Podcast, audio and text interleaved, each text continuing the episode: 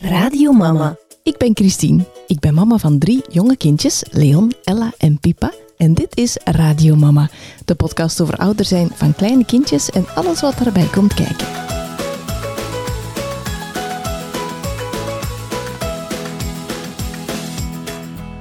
Dag Hanne, welkom in de podcast. Hallo. In eh, alweer het vijfde seizoen. De laatste aflevering is, ehm, denk ik, al een jaar geleden. Meer dan een jaar geleden. Dus ik ben blij om terug te zijn.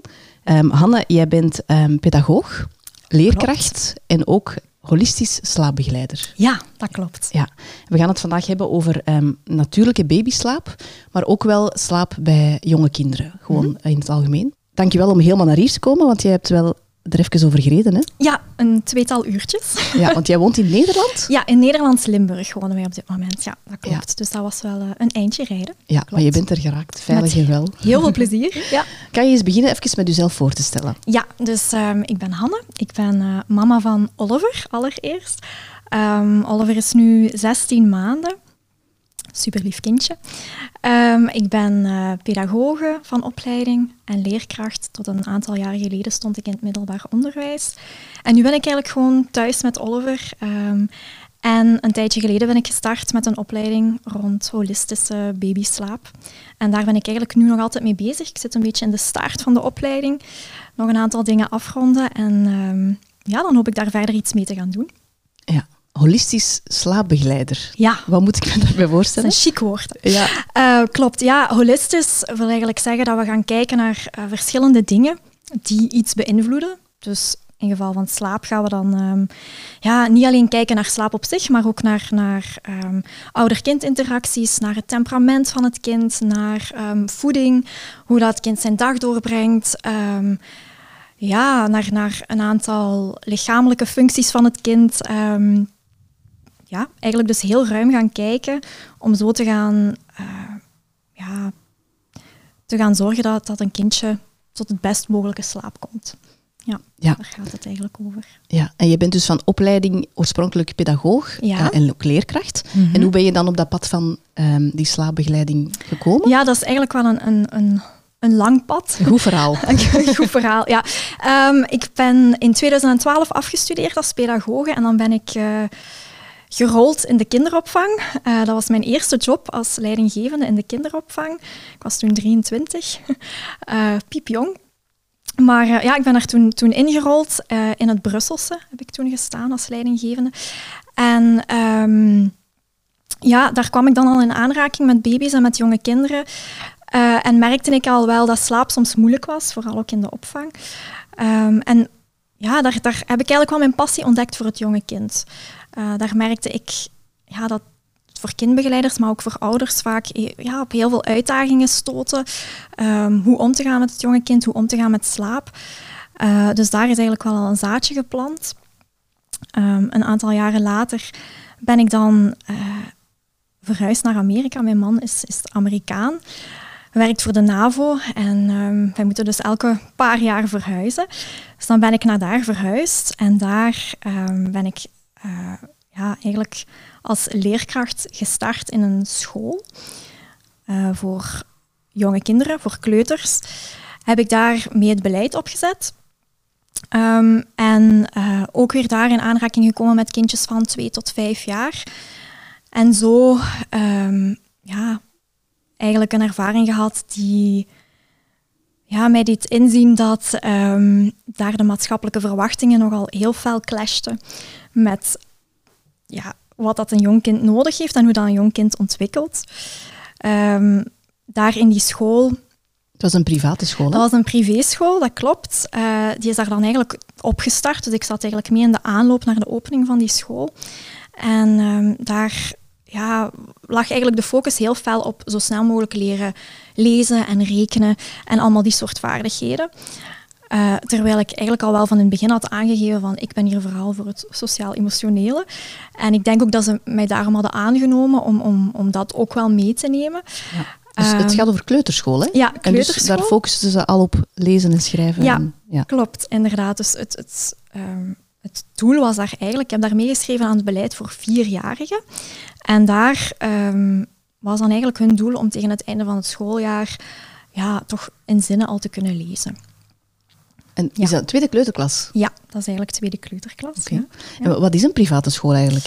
Ja, dus een privéschool is eigenlijk een school ehm, waar de ouders een vrijwel groot bedrag neerleggen. Ik denk voor die school was het voor een jaar kleuteronderwijs 25.000 dollar, eh, waar de ouders zo dan instappen. En ehm, die eigenlijk zelf een beleid mogen uitstippelen. Dus die Ja. mogen zelf kiezen. Ehm, er zijn een aantal regels waar ze zich aan moeten houden als ze geaccrediteerd willen blijven.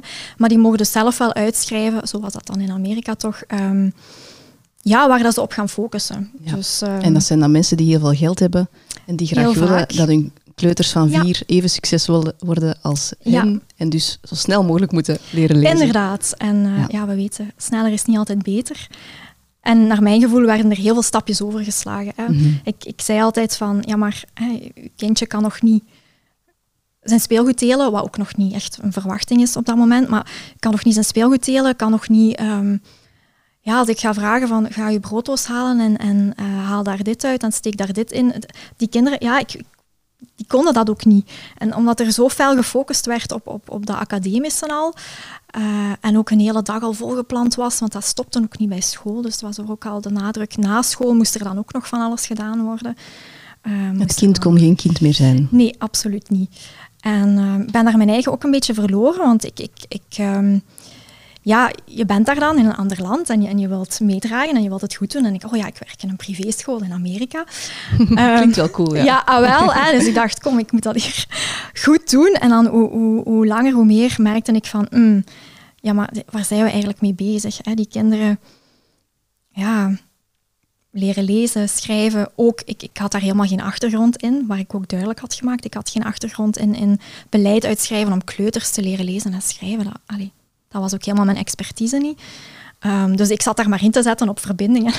Contact met die kindjes en toch zoveel mogelijk ehm, het vrije spel en zo te integreren.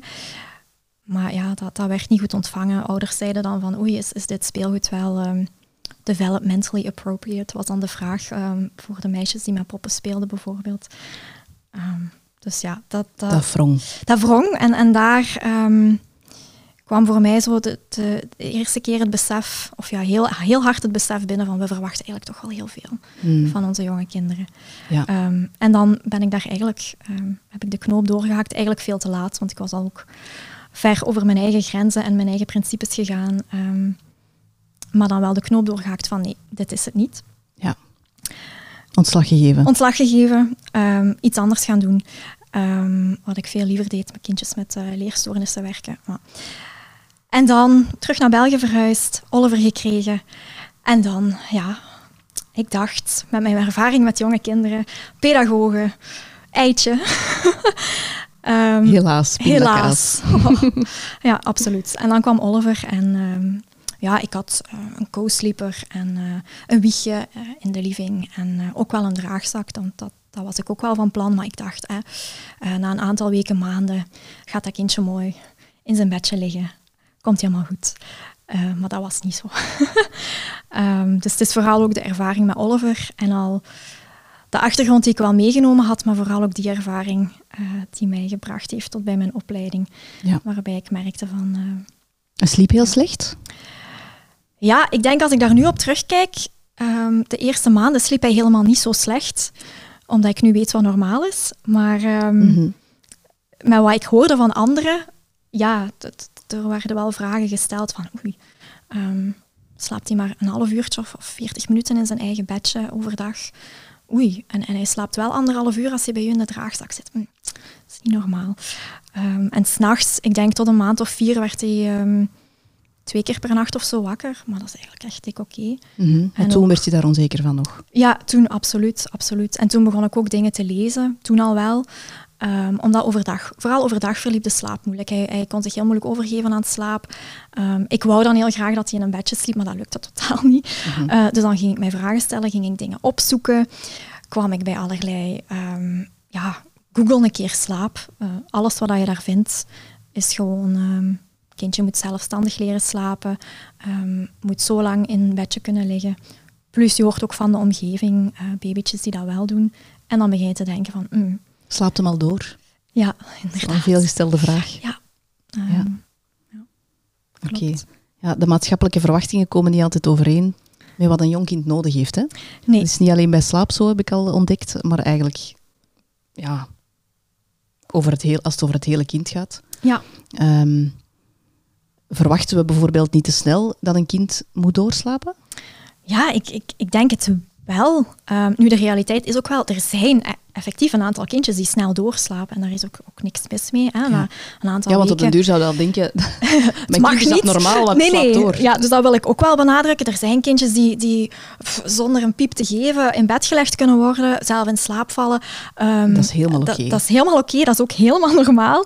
Maar er zijn ook effectief wel, en niet weinig, dat denk ik dat ook wel belangrijk is om te zeggen, het is ook nu niet de uitzondering, er zijn ook heel veel kindjes die dat, die dat niet doen. Mhm. Ehm, en die veel meer tijd nodig hebben om door te slapen. En, en soms is dat niet zo binnen de zes maanden of binnen het jaar of zelfs binnen twee jaar. Ja, en dan is het Ehm. niet de schuld van de ouder die het Nee. niet op de juiste manier aanpakt Nee, of zo. Hè? Want dat gevoel krijg je dan soms wel. Hè? Van, Ja. wat doe ik hier verkeerd? Ja. Hè, die, die baby van mijn zus, die Ja. slaapt al maanden door en die van mij nog niet. Ja, die vergelijking is zo moeilijk ook. Ehm, het ligt er ook een beetje aan. Ja, uw verwachtingen worden ook wel gevormd door wat je een beetje rond u hebt, denk ik. Dus ehm, als je allemaal, vooral dan nog van die eh, baby's rond u hebt die, die heel gemakkelijk wel aan een bedje gelegd worden en snel doorslapen, ja, dan, is het heel makkelijk om jezelf in vraag te gaan stellen, terwijl het uiteraard ehm, ja, niet, eh, niet de schuld van de ouders is. Nee, zeker niet. Ja, ja het is zo een, een, eigenlijk een gewaagd onderwerp om een nieuw seizoen mee te beginnen. Hè? Ja. Slapen is, is een heel ehm, Heel gevoelig. gevoelig onderwerp. eh, Mhm. gemakkelijk ehm, om mensen te triggeren. Mhm. Ehm, dus ik wil dat ook wel meteen zo even vertellen, dat ik wel ook graag wil nuanceren. hè, Mhm. dat, dat, ik, ja, dat, dat ik daar wel mee bezig ben, met hoe kunnen we dat brengen zonder dat we mensen te erg triggeren. Hè? Ja. Want ehm, we zijn allemaal anders, we doen allemaal keihard ons best. We krijgen van overal advies, van Mhm. links, van rechts, van voor, van Ja. achter, van boven, van onder. Ehm, ook van, van mensen die we vertrouwen, kinderartsen bijvoorbeeld. eh, ja. en, en er is zoveel tegenstrijdige info overal en we zijn zo moe. Ik ben- Het was gisteren twee uur, Ja. twee uur s'nachts bij ons, dus ik, ik voel het helemaal. ik ben echt heel moe. Ja. Ehm, en het is soms gewoon echt zoeken naar, naar wat is de manier. En zo, sowieso in het ouderschap en zeker in dit onderwerp, borstvoeding is zo ook een onderwerp, ehm, dat, waar, waarin dat je heel snel getriggerd raakt in uw ben ik wel goed genoeg gevoel. Ja. Hè, van ehm, van oké, dit is hoe je het kunt doen, ik doe het anders. Ben ik dan een slechte mama? Ja. Dat is zo'n gevoel dat we heel snel krijgen. En ik vind het wel heel belangrijk dat we, eh, onafhankelijk van alles wat dat we straks nog misschien gaan Mhm, zeggen, mhm. dat, je wel, allee, dat iedereen goed beseft van, je doet, je doet maar je best met, met de info Ja. dat je hebt en, en met de omstandigheden die voor u op dat moment eh, bezig zijn. Ja. Maar ik vind ook niet dat we het onderwerp moeten vermijden omdat het triggerend is. Nee, dat klopt. Want we moeten wel kijken, vind ik, naar wat zijn de inzichten Mhm. ehm, over de ontwikkeling van jonge kinderen. En wat zijn de, de meest recente ehm, inzichten daarover. En ik vind wel dat we die moeten brengen. Mhm. Zodat we eigenlijk gewoon ja, ervoor kunnen zorgen dat mensen kunnen samennemen van ik hoef niet perfect te zijn, ik ben waardevol gewoon zoals ik ben, Ja. zonder dat ik perfect mij volgens het boekje van de holistische slaaptraining moet houden, bijvoorbeeld, Ja. hè, of, of een ander boekje. Mhm. Ehm, maar ondertussen wel al die info meenemen en dan goed zoeken van wat past er bij mij, wat Ja. past er bij ons gezin, wat is haalbaar voor ons, wat zijn onze grenzen ehm, en, en hoe willen wij het doen. Ja. Ehm, maar dus, dat wou ik al even kaderen, dat ik dat dus wel voel, dat ik, dat ik eh, die nuance wel heel graag wil brengen. En dat we het met heel veel zachtheid Ja. naar alle mogelijke richtingen. Absoluut. Ehm. En ik, ik, ja, ik denk dat dat bij alles zo is. Er, het is het soms een beetje eruit plukken wat dat resoneert en, en wat, dat, ja, wat dat goed voelt en, en de rest ehm, laten liggen. Hè. Ja. Ja. ja, en het is ook zo, als het zo gaat over de cry-it-out-methode bijvoorbeeld, dat dat ehm, misschien iets minder ideaal is, hè, zal ik het Mhm. zo omschrijven. Eh, ja, mooi. Ehm, dat het eh, ook geen kwestie is van schuld. Hè. Dus de schuld ligt niet bij de ouder die misschien die methode heeft toegepast. De schuld ligt ook niet bij slaaptrainers die die methode st- ehm, aanraden of bij kinderartsen. Of schuld, er is geen schuld. Het gaat niet om schuld. Het gaat eigenlijk om hoe kijkt onze maatschappij naar jonge kinderen en wat jonge kinderen nodig hebben om te ontwikkelen en om eh, ja, goed te kunnen slapen. ja, En da- daar wringt hem eigenlijk het schoentje. Hè? ja, Want ouders en ook hulpverleners worden te weinig ondersteund vanuit de maatschappij om te kunnen geven aan die jonge kinderen wat dat zij nodig hebben, Ja. ook vanuit een gebrek aan kennis. En ja, we leven sowieso in een maatschappij die heel erg gericht is op volwassenen en heel weinig op de noden van jonge kinderen. Ja. Dat ziet je nu ook wel in de crisis eh, van de kinderopvang bijvoorbeeld. Absoluut. absoluut. Ehm, dus dat is zo'n verhaal waarbij dat ik het wel belangrijk vind van... Er ligt geen schuld bij u als ouder. nee, absoluut niet. Dat vind ik ook wel heel belangrijk om, om dat te benadrukken. Dat Ja. is zo, ja. Laten we eens kijken, met dat in ons achterhoofd, ehm, wat dat een normale babyslaap, wat dat, dat inhoudt. Ja, ah wel. Ehm, als we puur gaan kijken eh, naar de wetenschap, want er is eigenlijk ook al wel wat eh, wetenschappelijk onderzoek rond gedaan van ja, wat, hoe slaapt nu een gemiddelde baby? Ja. Ehm, en dan hebben ze eigenlijk niet zo'n verrassing gevonden dat er niet echt een gemiddelde baby is. Dat het heel moeilijk is om te zeggen, zeker tot een jaar of drie, vier, ehm, om eigenlijk te zeggen van dit is nu het gemiddelde verloop van babyslaap. Ehm, dus wat is er normaal? Een heel grote range eigenlijk aan ja, slaappatronen en gedragingen zijn normaal. Ja. Ehm, maar om even concreet te worden, wat is normaal? Een baby die na zes weken ehm 8, 9, 10 uur slaapt, is normaal. Mhm. Een baby die de eerste 1, 2 jaar elke 2, 3 uur ontwaakt, of babypeuter, is ook normaal. Mhm. Ehm, een baby die voor een korte periode elk uur wakker wordt, is ook normaal. Ehm, dus niet aangenaam voor ouders, niet Ja, ideaal. Ik wil net zeggen. Dus, dus, hè, eh, het staat los van het ja, feit dat dat, het wel gewoon ja. mega zwaar is. Absoluut, dus, dus dat, dat moeten we niet ontkennen. Maar wat is normaal puur voor een baby? Ehm, het frequent ontwaken is normaal. Ja. Eh, We hoeven ons daar geen zorgen over te maken. Nee. Dat er iets niet klopt of zo. Ah, wel. En dat is ook iets waar ik zelf heel erg op, op, ja, op gebotst ben eigenlijk toen Oliver, ehm, ik denk, zeven, acht maanden was. Toen speelde er heel veel. Hij was heel, heel hard aan het ontwikkelen. Ehm, hij had echt een periode dat hij tien keer per nacht wakker werd. Ehm, en ik had echt iets van, dit is niet meer normaal. dit, allee, dit, dit kan niet. En ook, natuurlijk helpt het dan ook niet als je dan... ehm, gelijk, eh, Vragen krijgt. ja, de omgeving die dan ook, eh, ja, oei, oei, tien keer, dat, hm, dat kan toch niet, kan toch niet meer normaal zijn. Maar kijk, En adviezen geeft en zo, misschien, Ja. om, het, om het probleem op te lossen. nu moet het toch eens een grens stellen. Hè. Mhm. Nu moet het toch, en nu, of nu moet het toch eens stoppen met die borstvoeding. Ja. Ehm, Allemaal goed bedoeld natuurlijk, Ja. hè, want ze zijn bezorgd dat je ja, moe ja, bent. ja, absoluut, absoluut, absoluut. Ehm, zeer goed bedoeld. Eh, maar ik, allee, voor mij, en dat kan alleen maar iedereen voor, voor, voor zichzelf persoonlijk uitmaken, maar voor mij waren de dallen zwaar, maar nog altijd wel draagbaar. Ik ben Mhm. nooit, ehm, voelde mij ook wel voldoende ondersteund, dus ik ben nooit, het is voor mij nooit niet zo zwaar geweest om te zeggen van oké, we moeten hier drastisch gaan ingrijpen. En dat is iets wat, wat elke ouder voor zichzelf Ja, moet uitmaken. moet ja. uitmaken. Hè? Ehm, ja, wanneer en of en hoe ze hulp nodig hebben. Dus ik, dat is ook altijd mijn boodschap. Als het je te zwaar wordt, is het oké om, om hulp te vragen. Oké, dus er is heel veel normaal. Dat onthoud ik. Ja, er is heel veel normaal. Wat nog normaal is, misschien ook belangrijk om te benadrukken. Heel vaak zien we zo ehm, dat baby's de eerste, of dat, dat hoor ik ook al heel regelmatig, ook bij mijn eigen kindje, de eerste drie, vier maanden redelijk goed slaapt. Maar dan, ehm, ja, in hun ontwikkeling gaat die wereld open. ehm, en dan worden die heel alert.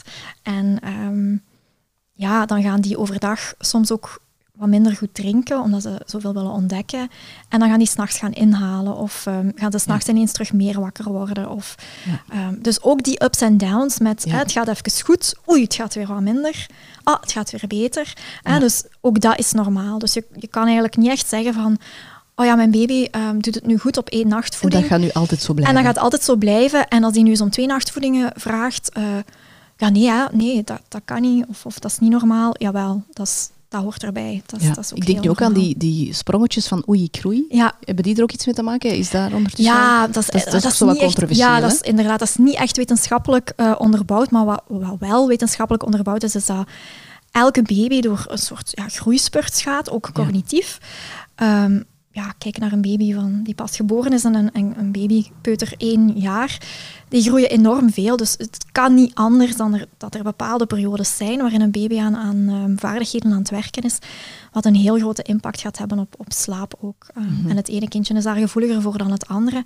Maar het is dus echt wel heel normaal, die ups en downs. En niet altijd volgens die sprongenkalender, want dat heb je dan ook. Dan denk je van, oei, ja, maar het komt niet overeen met die kalender en hij heeft het toch moeilijk. Maar ja, een Ja. baby is, is niet voorgeprogrammeerd volgens een kalender. Die Ja. volgt zijn eigen ontwikkelingslijn. Dus, Ja, ik heb die app ook, ik kijk er niet meer in, maar ik denk wel af en toe van, ah ja, het zal nu misschien een sprongetje zijn, maar Ja. ik ga dan niet effectief naar die sprongetjes kijken, want dan Nee. denk ik weer van, tja, het is een Mhm. periode dat het een zonnetje zou moeten zijn, maar ja, ja, het is, het is gewoon gelijk dat je zegt, hè. het is ja. ups en downs.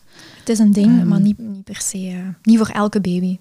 En als je al een die, die zorgen kunt laten vallen van, is dit normaal? Ja, Ehm, dan, dan is, allee, dat op zich vind ik al heel helpend. ja dat vond ik dus Want dat is ook al heel zwaar, hè? als Ja. je zo moet denken van...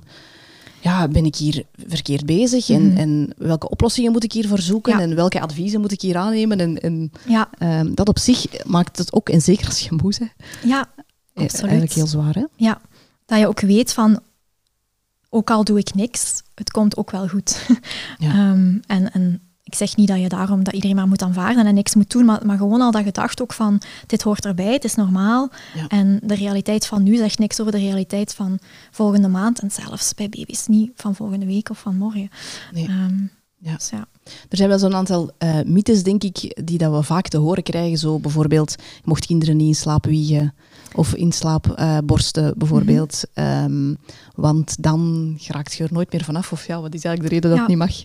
Ehm, Ja, er wordt zo wel eens gezegd van als, als je kindje vasthangt aan één associatie, noemen we dat dan. een slaapassociatie. Eh, slaapassociatie om in slaap te vallen.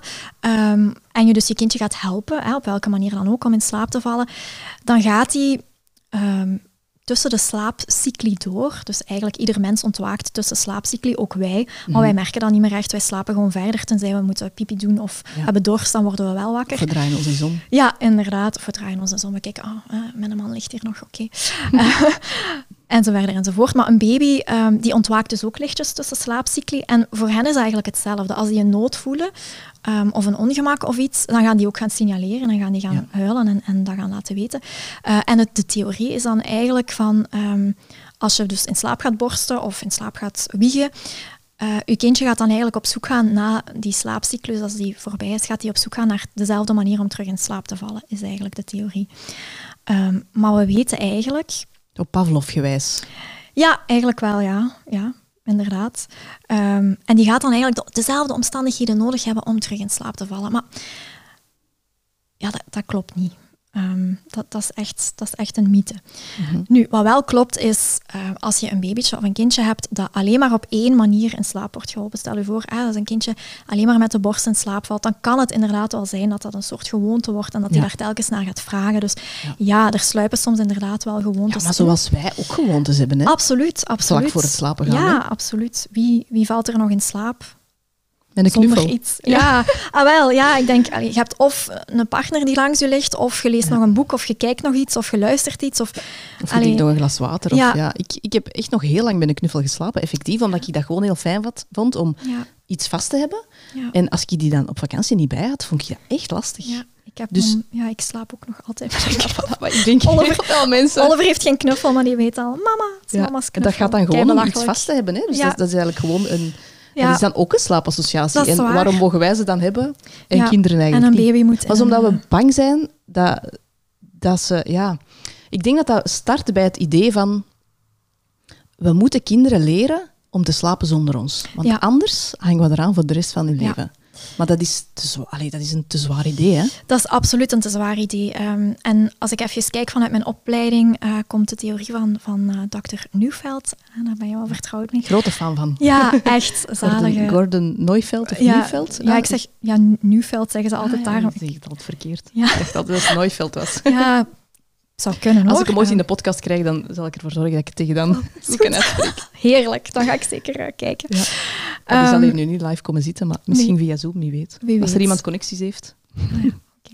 Ehm, maar ja, dus wat hij, wat hij zegt is, is eigenlijk... ehm, ja, heel de maatschappij is, is heel erg geobsedeerd met zelfstandigheid. Hè? Ehm, baby's, Ja. jonge kinderen, alles moet zo snel mogelijk hè, op het potje.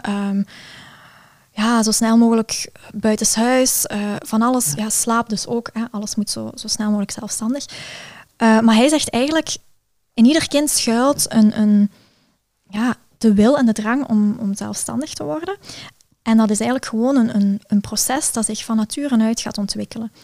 Dus Ja, we hoeven dat niet te forceren. Nee, we of- hoeven dat niet te forceren. Elk kind komt op zijn manier en op zijn eigen tijd tot zelfstandigheid. Ehm, en het is eigenlijk heel mooi als we dat, ja, als we dat aan ons kind kunnen geven, om hem ook de tijd te gunnen om dat te doen. En het Ja. is net door iets heel veel samen te doen, dat is ook wel essentieel, Mhm. om heel veel samen te tonen van... hè, want je overgeven aan slaap, dat kan best wel eng zijn. Hè? Je bent Absoluut, weg, ja. je bent niet meer bij bewustzijn. Ehm, dus ook biologisch gezien, vooraleer een baby zich kan overgeven aan slaap, moet hij zorgen dat er geen... Ja, geen Moet u veilig voelen. ja, je moet je veilig Je voelen. Ja, zich ja. veilig voelen. Hè? Letterlijk een, een baby's biologie die checkt van, ah, is er geen sabeltandtijger Ja. die mij zelfs gaat aanvallen? Oh, als ik dicht bij mama lig, ja, eh, die eh, zal wel zorgen dat die tijger mij niet aanvalt. Oei, oei, wat een druk. Nee, maar wij hebben dat ook hè, als volwassenen. Als, ik zo, als wij hier net woonden, ehm, een, een eh, openstaand huis, dus elk geluid dat je hoort, is, Ja. kan niet meer van de buren zijn plots. Nee. Ja. En ik weet dat ik echt die eerste nachten dacht van, van mm, elk geluidje wakker werd. Ja, en dat ik inbreker. echt, ja, ook echt moeite had om opnieuw in te Ja. slapen. Dus dat is echt puur gewoon je zenuwstelsel van, dat, dat checkt Ja. van, is het veilig? absoluut. dat is wat een baby ook nodig heeft. Hè? Ja, absoluut. En, en ja, niet alleen een baby, ook soms nog langer, Mhm. ook die peuters. Allee, ik, ik, ehm, ja, die moeten soms gewoon heel vaak en heel veel gevoeld hebben, want het is veilig om te gaan slapen en mij over te geven aan het slaap. En door dat samen te doen, Ja. ehm, Co-regulatie. co-regulatie, absoluut. Door dat Leren ze dat dan eh, van, Leren ze het is hier veilig. Ja. En er is altijd iemand in de buurt Ja, die, als het toch niet veilig zou zijn, mij gaat beschermen. absoluut. Ja. Dus zelfstandig in slaap vallen. Ehm, Daar hoeven we zo niet echt op te focussen. nee, en er zijn ook oneindig veel kindjes die eh, in slaap gewiegd worden, bijvoorbeeld, en wel doorslapen. Ehm, Ja, of zo dat ze zeggen van ja, ehm, mijn kindje moet binnenkort naar de crash. Hè, gaat het dan, moet ik het dan nu al niet aanleren om zelfstandig in te slapen? Maar ik denk dat kinderen wel heel vaak eh, ook ja, in andere situaties ook Ja. gewoon een andere manier van Ja. in slaap vallen. Absoluut. hebben. Ja, absoluut. En een kindje heeft een soort van behoefte aan, aan verbinding en connectie. En als we dan, allee, een kindje in de crash gaat dat minder krijgen, dat is gewoon de realiteit. Hè? Dus ze hebben daar mama en papa niet. Dus dan zou het net zonde zijn als ze wel thuis zijn, dat je dan ook nog eens een keer Ja. die hulp gaat, gaat afbouwen. Als, als je allee, aanvoelt dat je kindje daar nood aan heeft. Als je het gewoon zou doen puur vanuit omdat ik wil dat mijn kindje in de crash slaapt, ja, dat, dat, is, dat, is, dat is echt niet nodig. Ja. Ehm, kindjes voelen inderdaad heel vaak van, oh ja, hier is niet mijn mama. Ik weet dat ik bij deze persoon niet aan de borst kan. Of ik weet Ja. dat ik, ja, dat Ja. ik hier eh, mijn mama niet heb. En, en die passen zich ook wel aan Mhm. aan de nieuwe situatie. Ja, dus we Ehm. moeten wel meer vertrouwen hebben ook weer. Hè? Ja, absoluut. Moeilijk, Heel moeilijk, heel moeilijk. Ja. Ja. Ja, en ook natuurlijk wel zorgen ja, dat er een aantal wel vertrouwde elementen ook terugkomen in, in de opvang. hè. Dus je kan daar wel Ja. een aantal dingen voor doen om, om die voorbereiding te treffen. Hè. Dus dat wil ik ook niet zeggen. Maar je hoeft niet te stoppen met in slaap te voeden of wiegen of weet ik veel, omdat je kindje naar de opvang moet. Ja. Ehm, Ik had bij jou ook eens gelezen op jouw Instagram ehm, over slaapassociaties toevoegen of meerdere slaapassociaties hebben, zodat je er eentje kunt laten vallen. Of kan je dat eens uitleggen? Ja, dus ehm, dat is eigenlijk, ja, dat werkt eigenlijk voor, voor heel veel babytjes heel goed. Eh, stel je nu voor dat je kindje alleen maar in slaap kan vallen met eh, voeden. Dus je geeft je kindje borstvoeding. Ehm, en terwijl dat je kindje in slaap aan het vallen is, kan je dan associaties gaan toevoegen. Dus bijvoorbeeld over de rug wrijven of zo klopjes geven. Ehm, en vaak is het ook nog beter om via verschillende zintuigen te werken. Dus klopjes en een beetje neurien. Ehm, en je doet dat zo bijvoorbeeld voor twee weken, iedere keer. En dan ga je eens proberen dat je partner het overneemt, die niet in slaap kan voeden, eh, aan de borst. En dan gaat hij alleen maar die klopjes of die wrijfjes en dan neurien toepassen. Ja. En voor de meeste baby's, je hebt altijd uitzonderingen, eh, die gaan dat dan eigenlijk vrij gemakkelijk overnemen. En zo ehm, ja, kan je dan eigenlijk op andere manieren je kindje in slaap helpen, op een heel zachte manier. Je creëert eigenlijk ritueeltjes of zo. Ja, en ook wat heel handig is, als je je kindje per se graag in bed wil leggen, die klopjes en dat neurien, je kan dat eigenlijk doorzetten op het moment dat je ook je kindje neerlegt. Dus als Ja. het dan, dat wordt dan ja, een stukje overgedragen eigenlijk met dat, dat kindje in bed te leggen. Ja. Oké, dat is wel fijn om te weten. Ik, ik herinner mij dat ik dat las en dat ik dacht van, ah tja, ik dacht dat slaapassociaties net niet goed waren. Nee. Maar we, moeten er zelfs bijvoegen, dus. Ja, het Of het ideale... kan helpend zijn. Ja, ja. Vanuit mijn opleiding zeggen ze eigenlijk van het is ideaal om, om eigenlijk een soort van toolbox op te Ja. bouwen van verschillende slaapassociaties, zodat je altijd op iets kan terugvallen. Ja, Ehm, en dat ze niet te hard vasthangen aan één... aan eh, één slaapassociatie. Als het, allee, natuurlijk is dat prima. Hè? Als Ja. het jouw doel is dat jouw kindje ook door anderen in slaap geholpen kan worden. Ja, het is dat, want voor hetzelfde geld eh, vind je dat ook helemaal niet erg. Nee, het is dat. Dus dat, dat, daar is ook, er is absoluut niks mis met maar één slaapassociatie te hebben. Mhm. Ehm, als, als jij thuis bent bij je kindje en je kan dat zo opvangen, en dat is ook Ja. allemaal prima. Ja, want dat is ook allemaal, allee, als je al die ruis kunt laten vallen van adviezen van de omgeving en dit is niet normaal en dat is wel normaal en zo moet je het doen. En als je echt gewoon je eigen gevoel kunt volgen en Ja. als jij voelt van voor mij werkt dat, altijd in slaap Mhm. voeden en ik ben daar ook beschikbaar voor. Ja. Ehm, dat is ook niet voor de rest van je leven dat je dat moet doen. Hè. Nee, absoluut. Ehm, dan is dat ook gewoon, Ja. als je die ruis kunt laten vallen, dan is dat ook gewoon oké zo. Ja. En dan hoeven we ook niet in te gaan op advies. nee, Vanuit. nee absoluut. Dat is waar. Maar, maar Ja. dat is het moeilijke. Hè? Je, de druk is soms zo hoog. En, en Mhm. ehm, ja, wat dat je allemaal leest... Ik heb daar ooit eh, een reel over gemaakt, over Google. Ik heb dat ook al eens gegoogeld. Hè? Maar wanneer gaat hem nu eindelijk doorslapen? Ja. Eh, en, en ja, als je dan zo die dingen leest, wat je daar dan allemaal vindt, dan denk je, oh nee, ja, dat komt totaal niet overeen met, met mijn kind bijvoorbeeld. Ehm, en dat maakt je dan weer onzeker. Dus die psychologische druk die opgebouwd wordt, is wel, ehm, vind ik wel heavy. Ja. Heb ik zelf zo ook als mama ervaren, wel Ja. heavy. En je komt dan ook wel heel snel terecht op zo het pad van de slaaptraining. Hè? Van Ja. hoe kunnen we ze ehm, ja, laten doorslapen eigenlijk? Mhm. hè? Dat is toch vaak het doel wel. Hè? Mhm. En wat is er daar, ehm, ja, in welk opzicht, als we, als we dat gaan leggen naast hoe een jong kind ontwikkelt, wat strookt er dan niet? Ik denk in eerste instantie dat, dat, dat eigenlijk nog eens, daar nog eens uw onzekerheid bevestigd wordt van nee, het is niet normaal. Mhm. Ehm, of, Ja. En ik zeg ook niet dat, dat iedere slaaptrainer bent of coach bezig, die- moet het anders ja, doen. en, en dat Ja. zal ook zeker niet de insteek zijn van, van elke slaaptrainer, maar toch krijg je zo on- onbewust wel die boodschap een beetje mee soms. En, en Ja. dus terwijl ik graag als eerste doel wel zou hebben van duidelijk maken van ja, dit is wel normaal. Ehm, dus dat al eerst. En ten tweede denk ik ook, eh, vaak wordt dat ja, pak rond drie, vier, vijf maanden. eh, wanneer ouders terug moeten gaan werken. Hè, en oh nee, het slaap is nog heel zwaar. Dus dan wordt een, een, een slaapcoach bijvoorbeeld ingeschakeld. Ehm, en wat dat, wat dat een slaapcoach vaak gaat doen, het is vaak iemand die, die enkel werkt vanuit de achtergrond van slaapcoaching, Mhm. die verder geen kennis heeft over de ontwikkeling van het jonge kind. Er zijn er die dat wel hebben. Ja, want je hebt heel veel verschillende Je hebt, je hebt- slaapcoaches, ja, er ehm, is, ook, er is geen regulatie, dat is ook al een probleem. Hè. Iedereen, ja, iedereen kan het worden. Iedereen kan het worden. Eh, maar goed, hè, dus je hebt dan zo iemand die gaat tussenkomen eigenlijk in jouw ouder-kindrelatie op een moment dat je nog heel erg je kind bent aan het leren kennen. Mhm. Eh, ik weet, ik heb heel lang gedacht van, oh my god, ik ken hier Oliver zijn signalen nog altijd niet. Ik weet niet wanneer heeft hij honger, wanneer is hij moe, na twee maanden of drie maanden of, of zelfs daarna nog. Dat ik denk van, oh, ik kan mijn kind nog altijd niet lezen. En als je op dat moment dan ook nog eens iemand anders daarbij gaat nemen die jou Ja.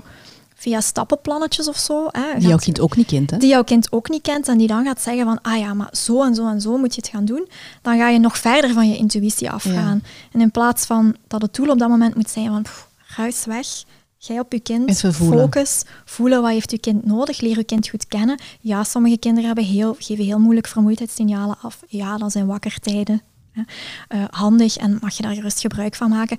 Maar het tussenkomen in de unieke ouder-kindrelatie, dat, vind ik, ja, dat vind ik al moeilijk. Mhm. Ehm, en dan ook, ja, sommige methoden zijn niet, die gebruikt worden, zijn, zijn, als we kijken vanuit het kind, niet heel, heel babyvriendelijk, om het zo te zeggen. Niet responsief? Ja, niet responsief. En, en we weten, dat is ook weer zo de theorie van Neufeld, hè, scheiding voor een babytje en voor, eigenlijk voor een jong kind ehm, is super moeilijk. Ja. is, is iets heel ja, Onnatuurlijks, hè? onnatuurlijk en dat, dat, dat doet alarmen afgaan voor een babytje. Ja, Want omdat een baby kan nog niet zonder zijn mama of zonder een Nee. verzorger nee, overleven alleen. Dus Nee. die voelt van oei. Absoluut. Dus biologisch gezien, een baby die alleen wordt gelaten, is een baby die sterft. Ja. Eigenlijk, als we het cru kunnen stellen. Die gaat sterven, ja. Ja, als die die, gaat, daar alleen ja, blijft ah, liggen. wel. Ja. hè, als, als daar niemand komt helpen, ehm, je laat een baby achter, dat is, ja, die gaat sterven. Dus eh, dat zit zo geprogrammeerd in die baby dat dat, dat niet mag gebeuren. Dus die baby Mhm. gaat er alles aan doen om dat te voorkomen. Ehm, ook wel weer afhankelijk van temperament, opnieuw. Hè. Ehm, maar sommige kindjes ja, hebben dat heel fel in zich, die willen niet alleen gelaten worden. En wat ga je dan doen? Eh, aan de hand van slaaptraining ga je dat toch een beetje forceren om, om je kind eigenlijk alleen te laten en te oefenen met scheiding, terwijl dat op dat moment eigenlijk heel moeilijk kan zijn voor een kind. Ehm, ja. Ja, ja, want wat een kind op dat moment vaak nodig heeft, is net van, ben ik veilig? Ja. Hè, om rustig en ontspannen te zijn Mhm. en om op die manier in slaap te kunnen Ja. vallen. Want ik denk nu ook aan aware parenting, waarin dat ze Ja. zeggen, je hebt drie dingen nodig om goed te slapen. Ehm, verbinding, ons moe genoeg zijn, Ja, ontspannen zijn en verbinding. ja. Ja, het- zou kunnen. het? Ja, ja. En zit veiligheid er dan niet tussen? Dat zal dan die verbinding Die verbinding is ook Ja, een stukje veiligheid, denk ik. Ja, absoluut. Ehm, ja, en als je dan een kind alleen laat op een moment dat het heel erg overstuur is, Ja. ehm, dan Is moeilijk. voelt het zich niet veilig. hè. Nee, inderdaad. En ook, want er zijn natuurlijk ook heel wat methodes die niet jouw kindje alleen laten, maar waar dan, met, allee, waar dan wordt eigenlijk voorgesteld van ehm, hou je kindje in bed, hè, ehm, troost het, maar leg het ook weer terug neer, wakker.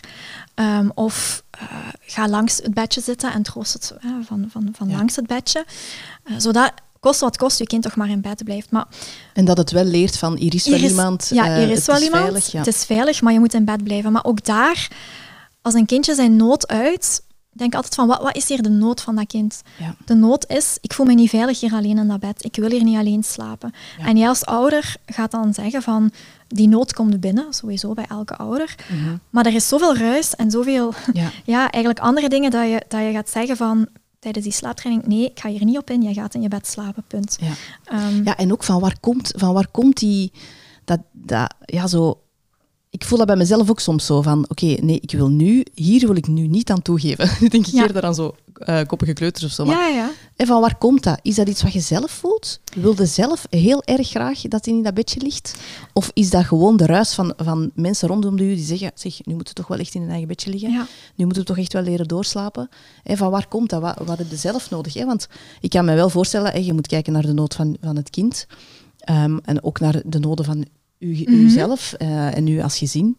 Ehm, maar het is zo, ja, raakt ondergesneeuwd. Hè, van wat hebben we nu eigenlijk echt nodig? Ja. En wat heeft een ander, wat heeft mijn, mijn moeder nodig van mij? ja. Omdat zij bezorgd is dat ik niet genoeg slaap, bijvoorbeeld. Ja. Hè? Absoluut, absoluut. Ehm, ja, dat, ja, dat is moeilijk. Ehm, en, en ik denk dat heel vaak de, de druk van de maatschappij daar wel Ja. een heel grote rol in speelt. zeker. En ook het heel erg het idee van dat het een voorwaarde is dat je kindje zelf in slaap moet vallen. Bijna elke slaaptraining en, en slaapcoaching eh, methode gaat ervan uit, dat is stap 1. Zelf in slaap vallen. Alleen in slaap vallen. Alleen in bed.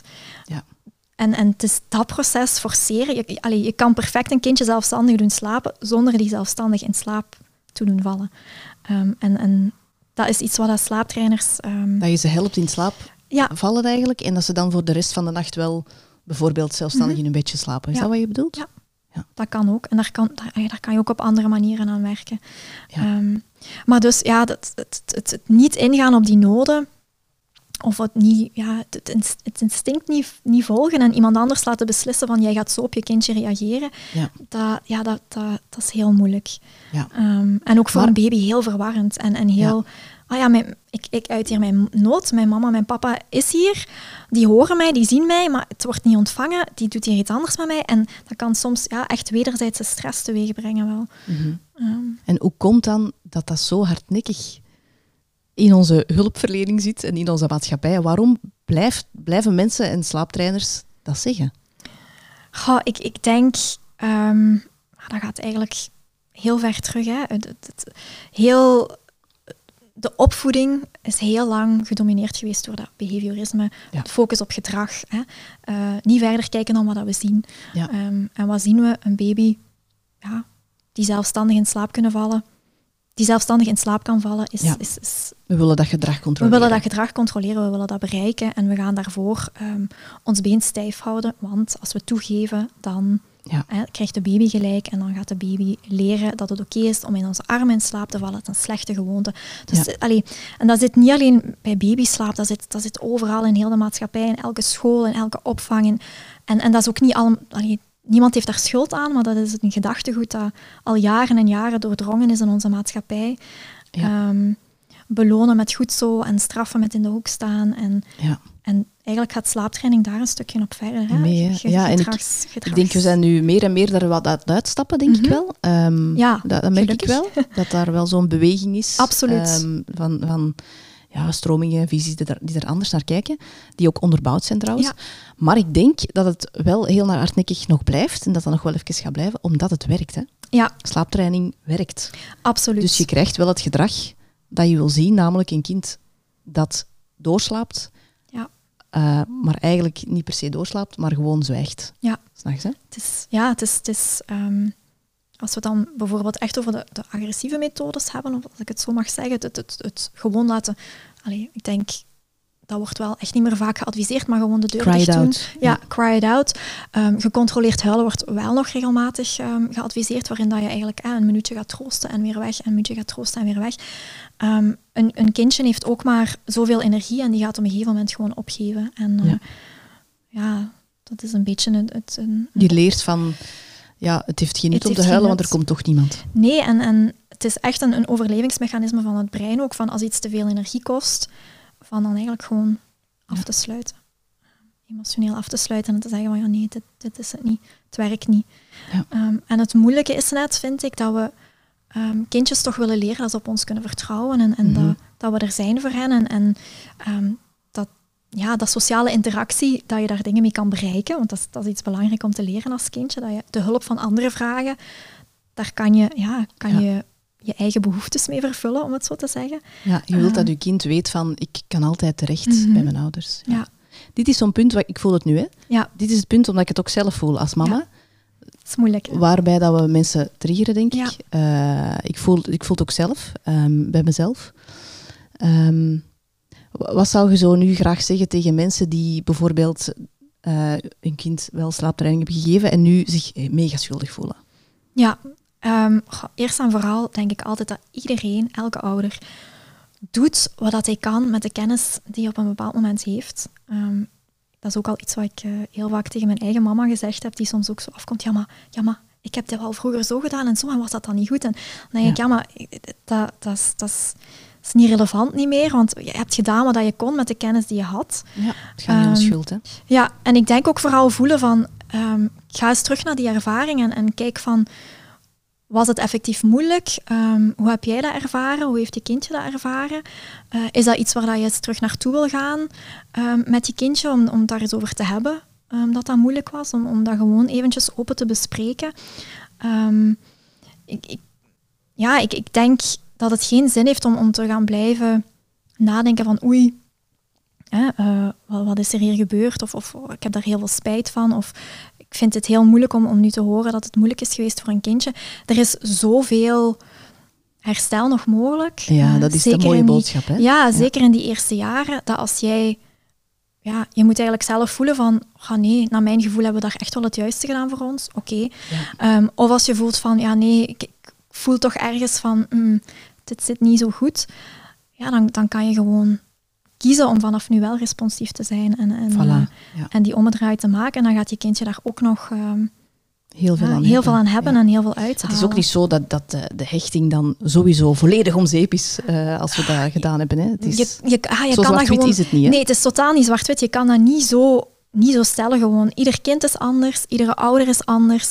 Ehm, het, het heeft twee punten. Hè. Een, een slaapcoach of een slaaptrainer kan ook wel nooit zeggen van oh, slaaptraining voor uw kind, ehm, dat gaat perfect oké zijn en gaat, gaat daar niks Ja. aan overhouden, Mhm. bij wijze van spreken. We hè. weten het eigenlijk niet. We weten het niet. Je kan dat, of toch zeker dat zonder context. onderzoeken hè, Nee, inderdaad. Ja, in de er, wetenschappelijke context. Want wat gaat het doen? ja, er zijn een aantal onderzoeken wel. Ah ja, echt toch? Ja, ja, ja, er zijn een aantal onderzoeken, maar hoe meten die dan hechting met een vragenlijstje? Ja, voilà, ja. Als ouder voel je je verbonden met je kind. Ja, dat is, dat is niet wat hechting is. Hè. Ehm, je kan dat zo niet aftoetsen. Ja, want hechting komt toch vanuit het kind. Hè? Het is het kind dat gehecht is aan de ouder. Absoluut, ja. Dus het, is, eh, ja, het komt inderdaad vanuit het kind. En, en hechting, om dat te kunnen observeren, allee, daar moeten observaties voor zijn, dat kan je niet uit een vragenlijst. Ja, dat is heel moeilijk te meten, kan je niet uit een vragenlijstje halen. Ehm, dus eh, ja, je, je, je kan daar, ja, ik kan daar, niet veel, eh, ik kan daar niet veel over zeggen eigenlijk. Je kan, je kan nooit op voorhand zeggen wat het met een kindje gaat doen. Maar we weten wel, er zijn een aantal kindjes met een heel gevoelig temperament. Er zijn ook een aantal kindjes die bijvoorbeeld, ehm, ik denk zelf aan mijn eigen kind, we hebben ook een heel pittige bevalling gehad. Hè, dat heeft ook meegespeeld Ja, in ons trauma. verhaal. Ja, ehm, dat bevallingstrauma. Als je zo'n kindje hebt met, dat al gevoelig is, dat al zo'n achtergrond heeft van, van een geboortetrauma, en je gaat dan nog eens... Hè, ehm, ja, dat, dat is niet... Dat zijn geen ideale omstandigheden, zal ik het zo zeggen. Ja. Ehm, maar het is ook niet zo om te zeggen van, oh ja, sowieso als je gaat slaaptraining toepassen, eh, de hechting is verpest of je hebt eh, je kind verpest. Nee, dat, dat Nee, natuurlijk. zo Zo zwart-wit is het is het niet. absoluut niet. Hè? Nee, en ik denk dat hier bij, bij dit ook heel helpend is om zo, daar ben ik heel veel bezig, mee bezig ehm, vanuit eh, voelende meisjes dan, om het verschil tussen schaamte en schuld Ja. goed te voelen. Hè. Ja. Van schuldgevoel gaat over, ik heb iets gedaan dat niet volgens mijn normen of waarden Mhm. is, ehm, dat ik eigenlijk vanaf nu graag anders wil doen. En daar kun je mee weg. Hè. Dat heeft echt, Ja. dat gevoel, schuldgevoel heeft een evolutionaire functie ook. Hè. Ja. Dat zorgt ervoor dat wij kunnen leven naar onze normen en onze waarden, dat wij goed kunnen doen, dat wij in een groep kunnen leven. ehm, en dat kan er dan voor zorgen dat je, dat je het gewoon beter gaat doen vanaf dan, hè, met de info die je hebt.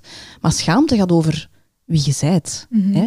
Ik ben echt een slechte moeder. Ja. Dat ik dat mijn kind heb aangedaan. Ja. En dat is zo'n lastige emotie om te dragen. Want dat is ook evolutionair, horen wij bij de groep. En het gevoel dat wij niet bij de groep horen, is heel levensbedreigend, Ja. evolutionair gezien. Hè? Mhm. Ehm, en dus is schaamte zo pijnlijk. Dus als wij echt het gevoel krijgen van ik ben een slechte moeder, dan gaat dat ons zo blokkeren en dan Ja. kunnen we ook zelfs niet meer verder kijken. Nee, Dan gaan we vaak de schuld ergens anders leggen of dan gaan we eh, ons ervan afschermen. Ehm, en dan, ja, daar, daar gewoon niet zo goed mee weg of Nee. zo. nee, dat klopt. Dat Ja, klopt. en dan is het wel helpend om dat te voelen van oké, dit is nu schaamte wat ik voel. Ja. En om dat dan te proberen om te buigen naar eh, schuldgevoel of spijt. eh, Ja. heb ik ben nu ook eens horen vertellen bij Noesing. Ja. Ehm, omdat je daar gewoon mee verder kunt. Hè, van oké, we hebben dat nu zo gedaan op die manier. We dachten dat dat de Dat goede dat- manier was. Ehm, En hoe moet dat was misschien ook de goede manier voor u op dat moment, dat kan ook.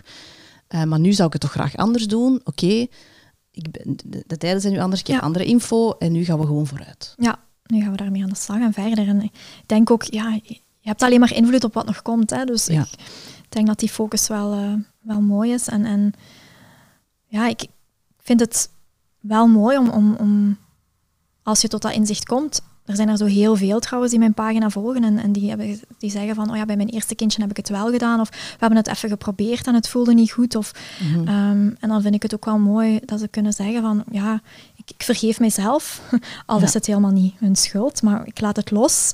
Ehm, en ik kijk vooruit en, en Ja. Je kunt ook niet alles weten. Hè? tuurlijk niet. We hoeven ook niet perfect te zijn. Hè? Dat is zo soms het gevoel dat je krijgt van we moeten de perfecte moeder zijn. Ja, De perfecte vrouw, de perfecte vriendin, de perfecte mens gewoon. nee. Maar dat is, niemand is perfect en dat hoeft ook niet. en de kennis over biologisch normale babyslaap is ook niet voor het rapen, hè, in alle nee, eerlijkheid. is nog in ontwikkeling. Hè? Absoluut. En, en ehm, je moet al echt op zoek gaan om, om Ja. daar info rond te vinden, vind ik. Ja, want ook de, de opleidingen die heel veel slaapcoaches misschien krijgen, ehm, zijn ook misschien te beperkt in, in info. Ja. Dus ook eh, ja, als je zelf slaapcoach bent en denkt van oei, ik heb nu mijn, mijn, eh, mensen dat geadviseerd. Eh, ook hier weer. Daar straks had je gezegd van ehm, er zijn wel een paar onderzoeken. Een Ja. paar wetenschappelijke onderzoeken gebeurd. En wat zeggen die dan? Naar hechting bedoel je dan? Of, Ja, zo- slaaptraining? Ja. Is eigenlijk... ehm, dus je hebt, je hebt een onderzoek naar hechting, waarbij dat ze zeggen, waar dat ze... ja, de interventie die ze daar dan gedaan hebben, is een, een, een infosessie gegeven aan ouders rond wat de slaaptraining inhoudt. Dus dat is een, een beetje een probleem met, met dat onderzoek natuurlijk. Ehm, ja, het is helemaal niet ethisch om te zeggen, oh ja, jij gaat in een groep slaaptraining en jij niet, en we gaan kijken ja. of het schadelijk is. Ja, kan je Ja. niet. Hè? Dat onderzoeksopzet kan je niet echt... eh, dat is niet te verantwoorden. Ehm, dus ze kijken dan via, via infosessies en dan hebben ze vragenlijstjes afgenomen eh, om te kijken of er een invloed is op hechting. Mhm. Daar kwam dan uit dat er, dat er geen invloed is. Eh, anderzijds zijn er dan wel heel veel onderzoeken die, ehm, ja, die eigenlijk de andere kant van het verhaal belichten. Ehm, zo is er bijvoorbeeld een onderzoek rond eh cortisolmetingen, Mhm. waarbij ze ook gecontroleerd huilen. stresshormoon. Ja, stresshormoon, waarbij ze ehm, gecontroleerd huilen is meestal zo de interventie die ze, die ze toepassen als het gaat over slaaptrainingsonderzoeken. Mhm. En dan gingen ze eigenlijk kijken naar de cortisolwaarden van moeders en van baby's, Ja. Ehm, vlak na de slaaptraining. En eh, daar hebben ze eigenlijk gezien dat baby's gaan effectief minder huilen. Eh, moeders, hun cortisol gaat naar beneden na de slaaptraining. Dus, hè, want baby huilt niet meer Slaap door, ja. slaapt door. Maar baby ehm, ja, huilt niet meer, maar wordt, wel nog wakker. Mhm. Ehm, en eh, ja, er zijn wel effectief verhoogde cortisolwaarden, dus ze ervaren wel nog evenzeer stress. Ja.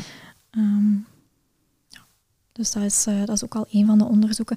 Maar ja, heel veel van die onderzoeken Ja, het is altijd Het is- lastig om je vast te pinnen op onderzoeken, want er Ja. zijn altijd onderzoeken die het, die het een beweren en dan onderzoeken die dan weer het andere bewijzen. en soms absoluut. moet je ook gewoon loskomen, vind ik, van die een bewijsdrang en Ja. gewoon kijken naar wat weten we nu eigenlijk over hechting. Ja, ik, ik vind het ook veel nuttiger, omdat de slaaptrainingsstudies eigenlijk is er wel met elke studie iets mis, zowel die ervoor als tegen zijn.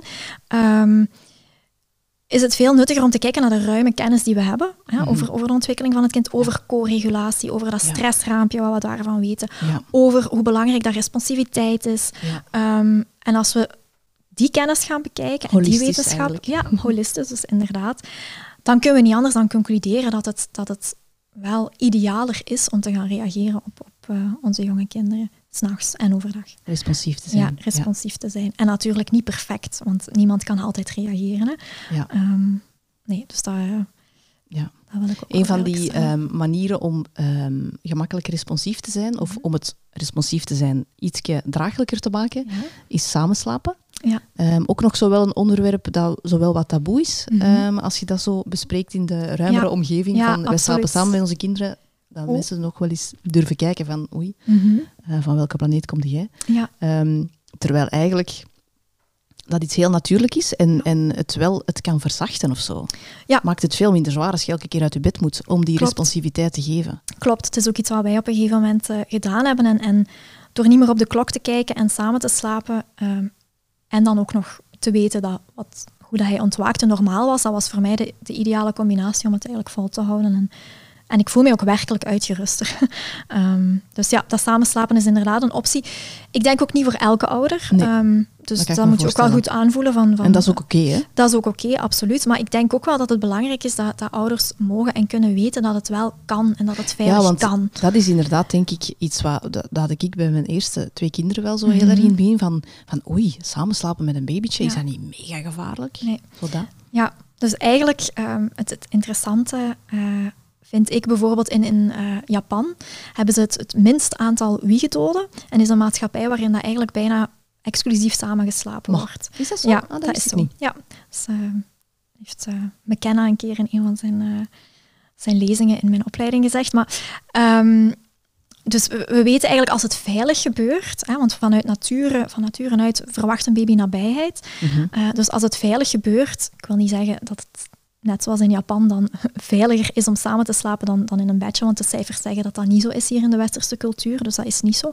Maar het kan absoluut wel veilig en je kan de risico's beperken. En als we dan het relatieve risico gaan bekijken, als je het op een veilige manier doet, dan, dan, ja, dan is dat perfect, eh, perfect mogelijk. Ja. En wat is dan veilig, een veilige manier? Ja, een Zijn er zo veilige manier. richtlijnen voor? Ja, het is ehm, vooral het, het uitsluiten van een aantal risicofactoren. Bij ehm, een pasgeboren baby is dat dan vooral, ehm, ja, en eigenlijk ook voor oudere baby's, een rookvrije omgeving. Dus roken Mhm. is, eh, ja, is niet ideaal als je wil samenslapen. Ehm, zorgen dat je als ouder zelf gezond bent, geen slaapstoornissen hebt. Zorgen dat je geen drugs, geen medicatie. medicatie, Het is ja. allemaal, ja, dat klinkt vanzelfsprekend, maar toch geen alcohol. Geen alcohol drinken. Ehm, geen alcohol drinken. Ehm, dat je geen premature baby hebt. Er zijn onvoldoende onderzoeken naar. Dus Ja. dat je baby volgroeid is, dat je baby ook gezond is. Ehm, dus dat zijn een aantal richtlijnen. En dan is het vooral eh, die maternele houding. Hè? Een soort nestje creëren. Ja. Ehm, onder, ehm, onder de onder de arm. Ja, Ja, en dan gaat het ook over borst, vrouwen die borstvoeding geven. ja absoluut. Dus Ehm, op je zij liggen en dan je arm in de rechterhoek naar boven en dan Ja. het babytje eigenlijk met zijn hoofdje in zijn op zijn kokonnetje. Ja. zij, uh, ter hoogte van de borst. Ja, ter hoogte van de borst, inderdaad. En ideaal ehm, slaapt het kindje op de rug en dan als hij moet drinken op de zij. En Ja. als die gedaan hebben, gaan die van eigen wel terug eh, op de rug draaien. Eh, maar het klopt ook wel ehm, dat het vooral onderzocht is in de context van borstvoeding. Ja.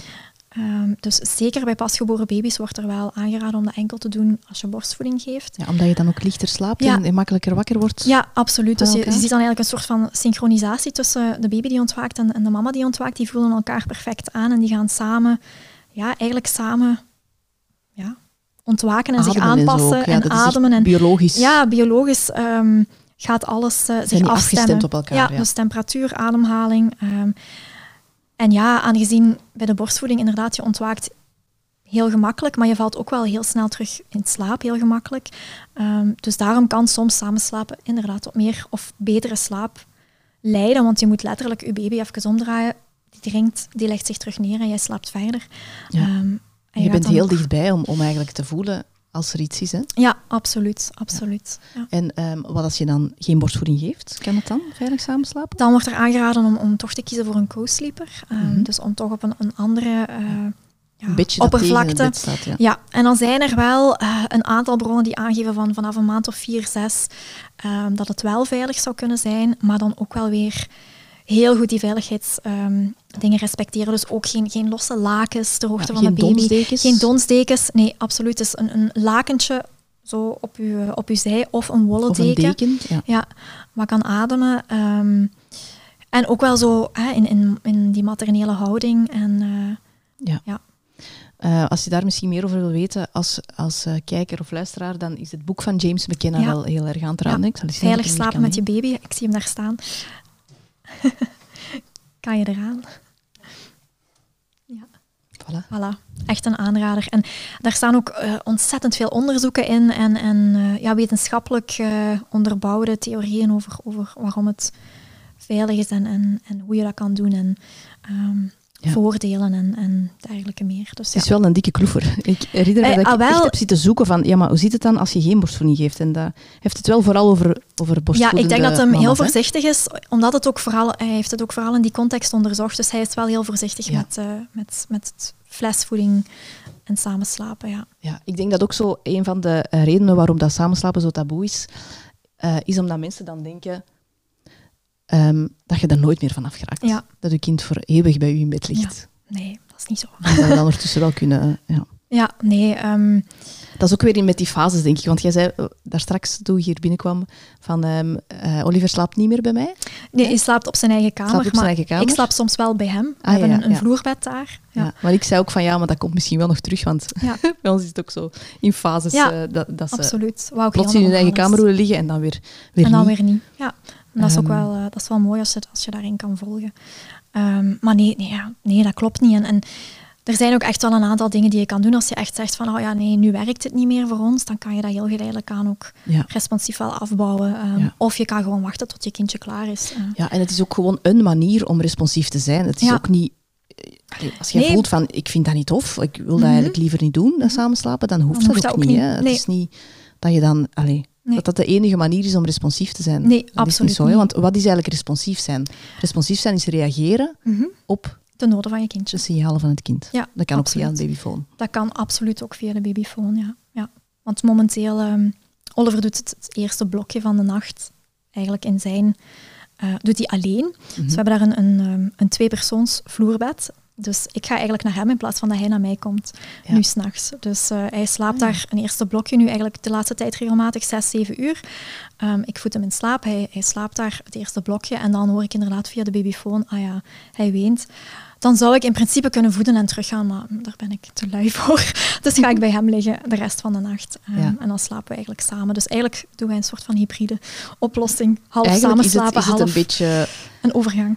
Lui, lui ouderschap. Hè? Ja, het is gewoon, en, het is gewoon echt oké. hè? Want Ja. dat is vaak dat we dan zo denken van, "Ah, gaan we hier nu mee beginnen? Gaan we Ja. dan? En, en zo, dan horen we de stemmen van anderen in ons hoofd van, hier mogen we niet mee beginnen. Nee. Terwijl het maakt het zoveel Zoveel gemakkelijker. zwaar. Ja, het, het, is, het is heel natuurlijk, het is normaal, ehm, het is, je kan tot meer slaap komen. Ja. ja. En zo moet je eigenlijk gewoon kijken van, naar je gezin, van hoe gaan wij nu met, met ja, wij en ons kind tot het meeste slaap komen. Ja, en het is echt weer kijken van wat heb je zelf nodig en wat heeft mijn kind nodig. Hè? Ja. Eh, want bij ons heeft bijvoorbeeld een van de kleuters ehm, een tijdje alleen geslapen en dan ehm, begon die plots nachtangsten te krijgen. Ja, heel intense dat is heel heftig. Ja. Mhm. En ehm, ja, dat is ook vermoeiend, hè? want dat is, allee, je, je kunt dan zel- zelfs eigenlijk niet, ik wou net zeggen, je kan niet veel doen, Ja, erbij zijn en dat is. Ja, en dan zijn we terug beginnen samenslapen eigenlijk. En ehm, dan was dat voorbij. Ja. Allee, nu niet volledig. Ze heeft het af en toe nog wel. Ja. Maar ehm, ja, allee, dat we zo wel merkten van oké, dus die heeft eigenlijk gewoon even die veiligheid nodig, Ja. s'nachts of zo. Inderdaad, ja, Ehm, kan ik mij voorstellen. oké. Ehm, we hebben al heel veel aangeraakt. Ehm, misschien ook nog even over de weg ertussen. Hè, dus je kan ehm samenslapen in één bed.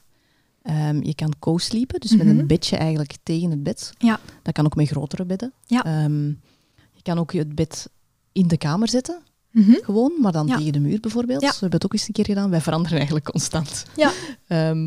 Naar gelang de behoeftes. Dat is Mhm. niet altijd zo leuk voor iedereen in de familie. Die houden, houden van de... Kijk naar niemand achter de knoppen. die houden van structuur en, en, en dat altijd alles hetzelfde blijft. Ja.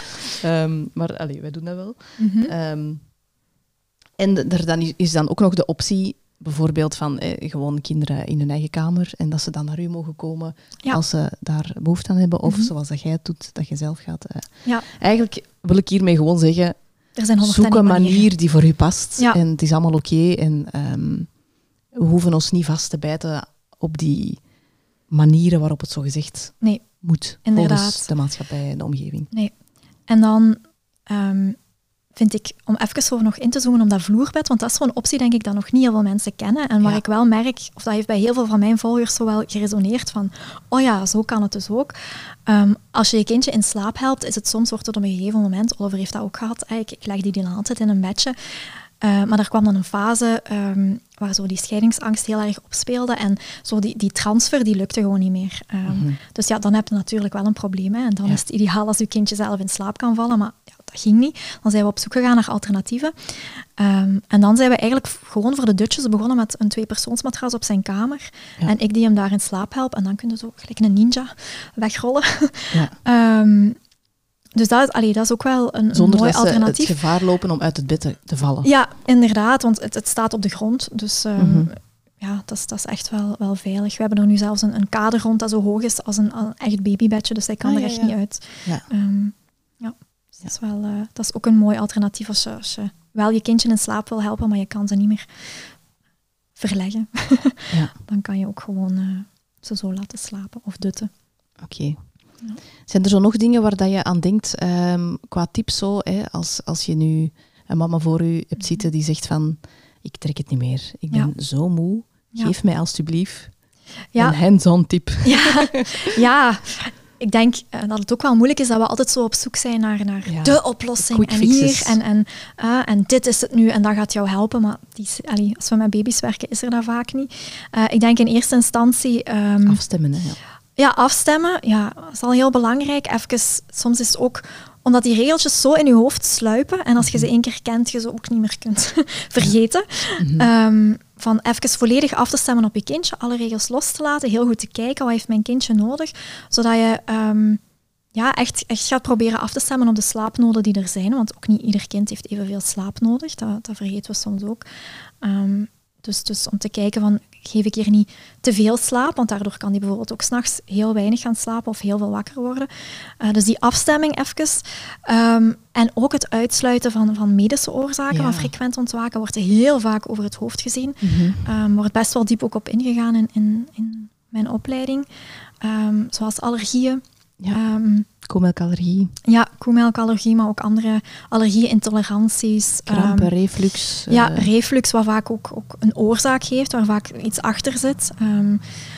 Eh, wat heb je nog? dat op zich is soms al moeilijk, hè? ja, om dat te achterhalen. Ja, ehm, absoluut. absoluut. Dat is een- Oorzaken aan te pakken, hè? Want dat Ja. is ook zoiets waar een taboe op rust, hè? Van ja, ja, elke baby heeft krampen. ja, ja, maar ook weer niet. Ja. Ehm, er zit wel vaak, Dat is wel vaak wat gehoord, anders. Ja, ja, het is vaak wat je hoort, maar het is, eh, er wordt ook nog niet altijd vaak verder gekeken. Het wordt vaak Ja. aanvaard als, als zijnde normaal. Maar ook ehm, ijzertekort bijvoorbeeld is ook iets wat... Ah, ehm, ja? Ja, als je een... een hebt eigenlijk ijzeropslag, dan een ferritine. Als je ferritineniveau eh onder de 50 is, kan dat al een, een, invloed hebben op slaap. En kan je eigenlijk een heel onrustige slaper krijgen. Ehm, rusteloze benen zeggen we wel vaak. Dus een kindje dat stamt in zijn slaap heel frequent wakker wordt. Of dat dat heel moeilijk terug in slaap valt. Waar je echt zegt van, oh, nu, nu ben ik hier echt uren bezig met mijn kind terug in slaap te helpen. Ehm, kan, hè, dat is niet altijd, hè, maar kan een oorzaak zijn. Eh, en dan ook, ehm, Veel spinazie geven. ja, spinazie, broccoli. Hè. Ja. Ehm, Bananen ook? Zit dat niet in bananen? wat denk ik? IJzer? Dat is magnesium, Magnesium, denk ik. ah, ja. Magnesium is ook Ah, wel is goed. magnesium ook niet voor Ja. rusteloze benen? Ja, ja, ja, magnesium is ook zeker goed. Ehm, en eh, tongriempjes en, en Ja. dergelijke. Ook iets wat, wat vaak eh, over het hoofd wordt. gezien wordt. Ja, kan eigenlijk leiden tot, tot eh, slaapapneu en dergelijke. ehm, waarbij dat ze zo pauzes in hun ademhaling hebben.